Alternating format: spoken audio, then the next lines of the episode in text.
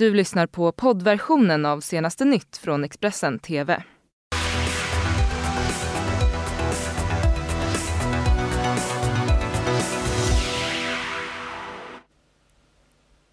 God morgon, välkomna hit till senaste nytt denna tisdag. Jag heter Ylva Johansson och det här det är morgonens rubriker.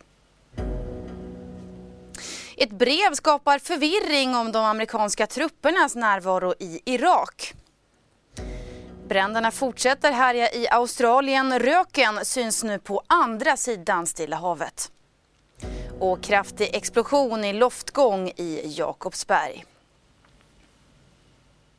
Ja, en explosion har alltså inträffat i Jakobsberg norr om Stockholm under natten. Detonationen den ska kommit ifrån en loftgång och en lägenhetsdörr ska ha skadats eh, i samband med detonationen.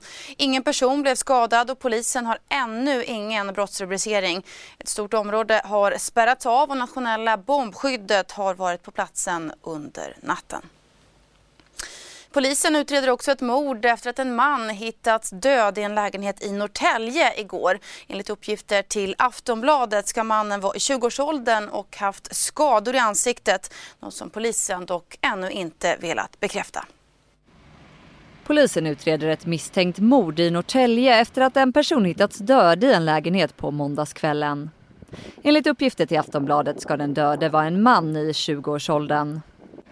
En insats pågick på den aktuella platsen under måndagskvällen och en teknisk undersökning genomfördes. Pontus Sandulf som är vakthavande befäl på polisen i Region Stockholm bekräftar att en person har hittats död och att en förundersökning om mord har inletts. Aftonbladet skriver att den döde ska ha haft skador i ansiktet enligt uppgifter och polisen säger till tidningen att det varit en folksamling i anslutning till bostaden men att det inte varit något bråk sent på måndag. Mm, med det går vi utrikes. Eh, läget mellan USA och Iran fortsätter att trappas upp efter attacken på toppgeneralen Qasem Soleimani.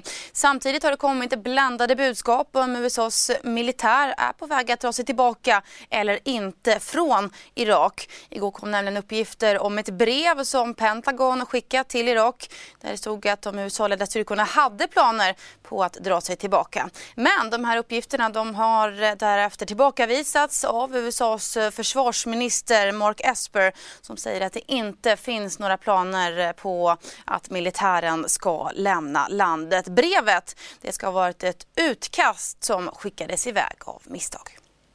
Allahu den iranska toppmilitären Qasem Soleimanis död har agerat startskott för en upptrappning i den redan infekterade konflikten mellan USA och Iran. Båda länderna har uttalat hot om att gå till motattack om det andra landet fullbordar ett militärt angrepp. Enligt Trump har USA redan valt ut 52 möjliga mål varav vissa ska ha ett kulturellt värde för Iran. Iran has many military, strategic military sites that you may say are also cultural sites. So I think the president putting out the number 52 was significant for those numerologists um, in Iran who are listening to numbers. That's the number of hostages they took 40 years ago. اساسا یک کانگستر به معنای تمام کلمه و اون هم یک قمارباز تا اینکه بخوایم یک شخصیت سیاسی با یک استقرار اقلانی در موضع تصمیم گیری خب سازمان ملل قطنامه داره قطنامه 2347 هست اونجا میگه اقدام بر علیه مراکز فرهنگی اقدام کننده منزله جنایتکار جنگی شناخته میشه. We will defend America. The strikes we took over this past week including killing the terrorist Soleimani uh, we will continue to take if we need to. Under måndagskvällen twittrade även Irans president Hassan Rouhani.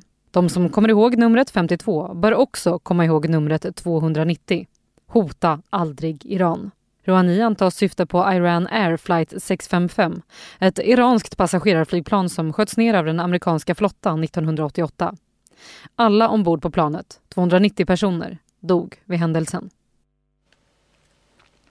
Ja, i söndags meddelade alltså Iran att man tänker överge kärnavtalet och sluta begränsa sin uranrikning. Svaret från USA det kom igår på Twitter. Presidenten skrev att Iran kommer aldrig ha ett kärnvapen, vilket eh, den iranske presidenten ju svarade på genom att varna president Donald Trump för att hota Iran.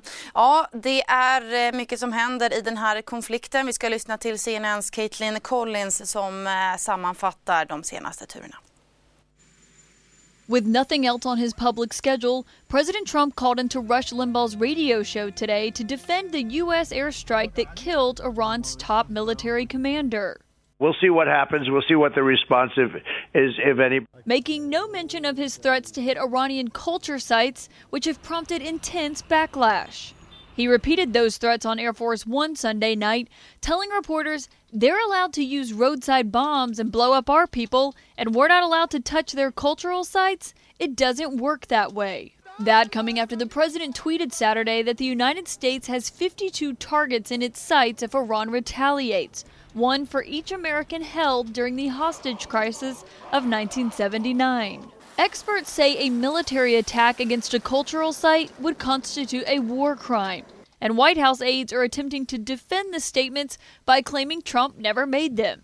Look, as for these critiques, President Trump didn't say he'd go after a cultural site. Read, read what he said. He didn't say he's targeting well, cultural sites. Exactly he's identified sites. Secretary of State Pompeo has the president is also countering a vote by the Iraqi parliament to try to oust U.S. troops by saying he'll impose very big sanctions if they do. Just as hundreds of U.S. troops are deploying to Kuwait on short notice to serve as reinforcements amid those rising tensions in the Middle East.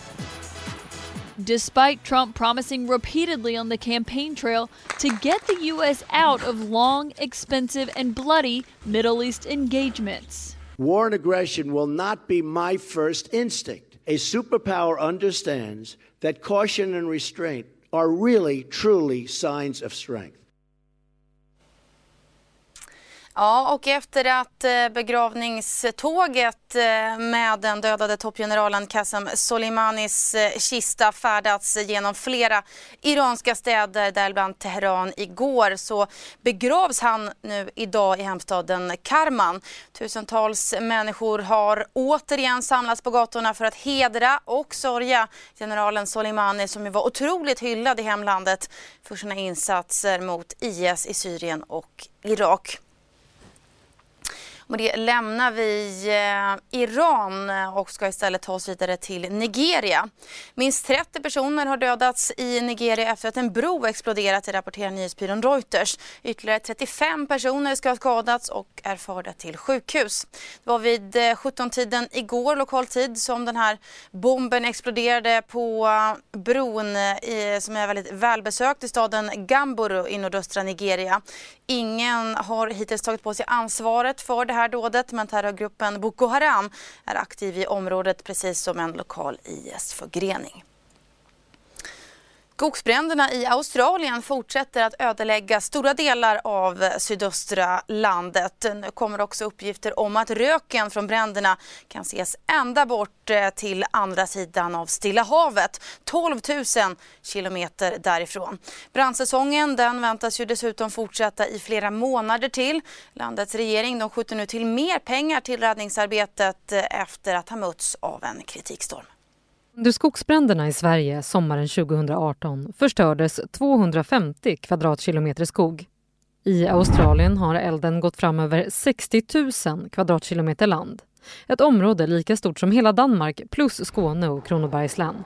Och det brinner fortfarande, även om ett efterlängtat regn under söndagen föll från Sydney till Melbourne och över delar av New South Wales. Samtidigt varnar landets myndigheter för att temperaturen åter kommer att stiga i slutet av nästa vecka. Under söndagen försäkrade premiärministern, som fått hård kritik för hur han hanterat bränderna, att regeringen är villig att skjuta till de medel som krävs. Han lovar ytterligare motsvarande 13 miljarder kronor till räddningsoperationen och återuppbyggnad. Pengarna kommer att tas från en nystartad fond och ska bland annat gå till drabbade jordbruk, företag och kommuner. Scott Morrison lovade också extra pengar till restaurering av förstörda vägar, skolor och broar. Ja, tusentals brandmän och frivilliga fortsätter att intensivt kämpa för att bekämpa de här bränderna i Australien som redan nu rasas i flera månader. Över 20 personer har hittills dödats i bränderna. Nära en halv miljard djur har också dött. Ehm, en av dem som fortsätter kämpa mot lågorna det är brandmannen Sam McGlone som räddade en kängurubaby från att slukas av lågorna. Där, under en stock, gömmer sig en kängurubaby. Den är alldeles ensam och söker skydd från lågorna bland grenar och löv på den knastertorra marken. Det är 24-åriga Sam McLone som kommer till den lilla känguruungens undsättning. Han har över 100 000 följare på Instagram där han presenterar sig som filmskapare och dokumenterar sitt resande över hela världen. Men nu har han tagit en paus för att rycka in som frivillig brandman i släckningsarbetet i New South Wales där han är född och uppväxt. My little baby. Saved him out of the fire today. We got you buddy, don't worry I got you now. Hittills har minst 24 människor dött och tusentals byggnader brunnit ner till grunden. En halv miljard däggdjur, fåglar och reptiler beräknas ha dött i eller till följd av Australiens bränder. Hårdast drabbade är delstaterna New South Wales och Victoria där myndigheterna utlyst undantagstillstånd. Tusentals brandmän arbetar kontinuerligt med släckningsarbetet. Så in, eh, och så ska vi till Ikea ska jag säga. Ikea tvingas betala ut ett skadestånd på över 430 miljoner kronor till en familj i Kalifornien i USA. Närmare bestämt eh, detta efter att tvåårige Josef Dudek fått en Ikea-byrå av modellen Malm över sig och dött i maj 2017. Redan 2016 återkallades den här produkten eh, vilket var den största återkallelsen i möbeljättens historia. Man erbjöd sig då att åka hem till kunder som köpt den för att förankra den och därmed minska olycksrisken. Något som eh, Josef Dudeks familj inte kände till.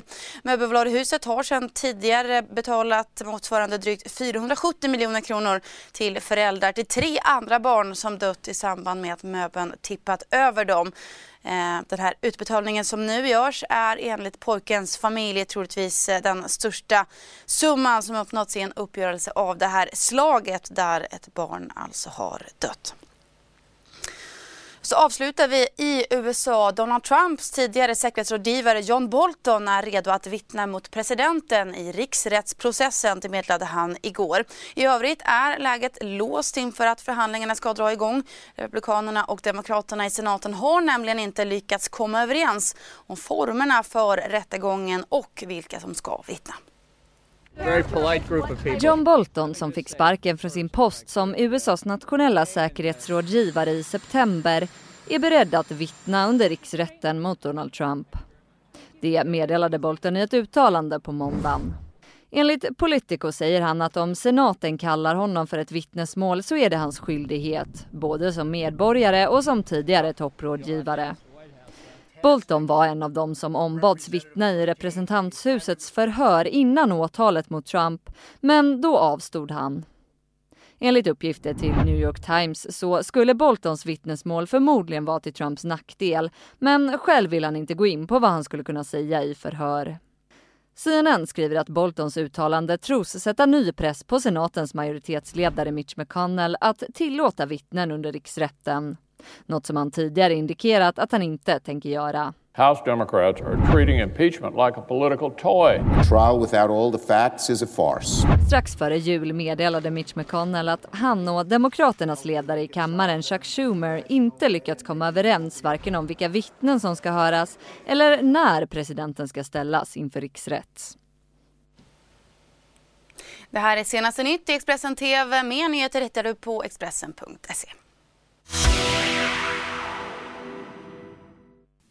Du har lyssnat på poddversionen av senaste nytt från Expressen TV. Till förordnad ansvarig utgivare är Klas Granström. Ett poddtips från Podplay. I podden Något Kaiko garanterar östgötarna Brutti och jag, Davva, dig en stor dos skratt. Där följer jag pladask för köttätandet igen. Man är lite som en jävla vampyr. Man har fått lite blodsmak och då måste man ha mer. Udda spaningar, fängslande anekdoter och en och annan arg rant. Jag måste ha mitt kaffe på morgonen för annars är jag ingen trevlig människa. Då är du ingen trevlig människa, punkt. Något Kaiko, hör du på Podplay. Därför arkadeinerna.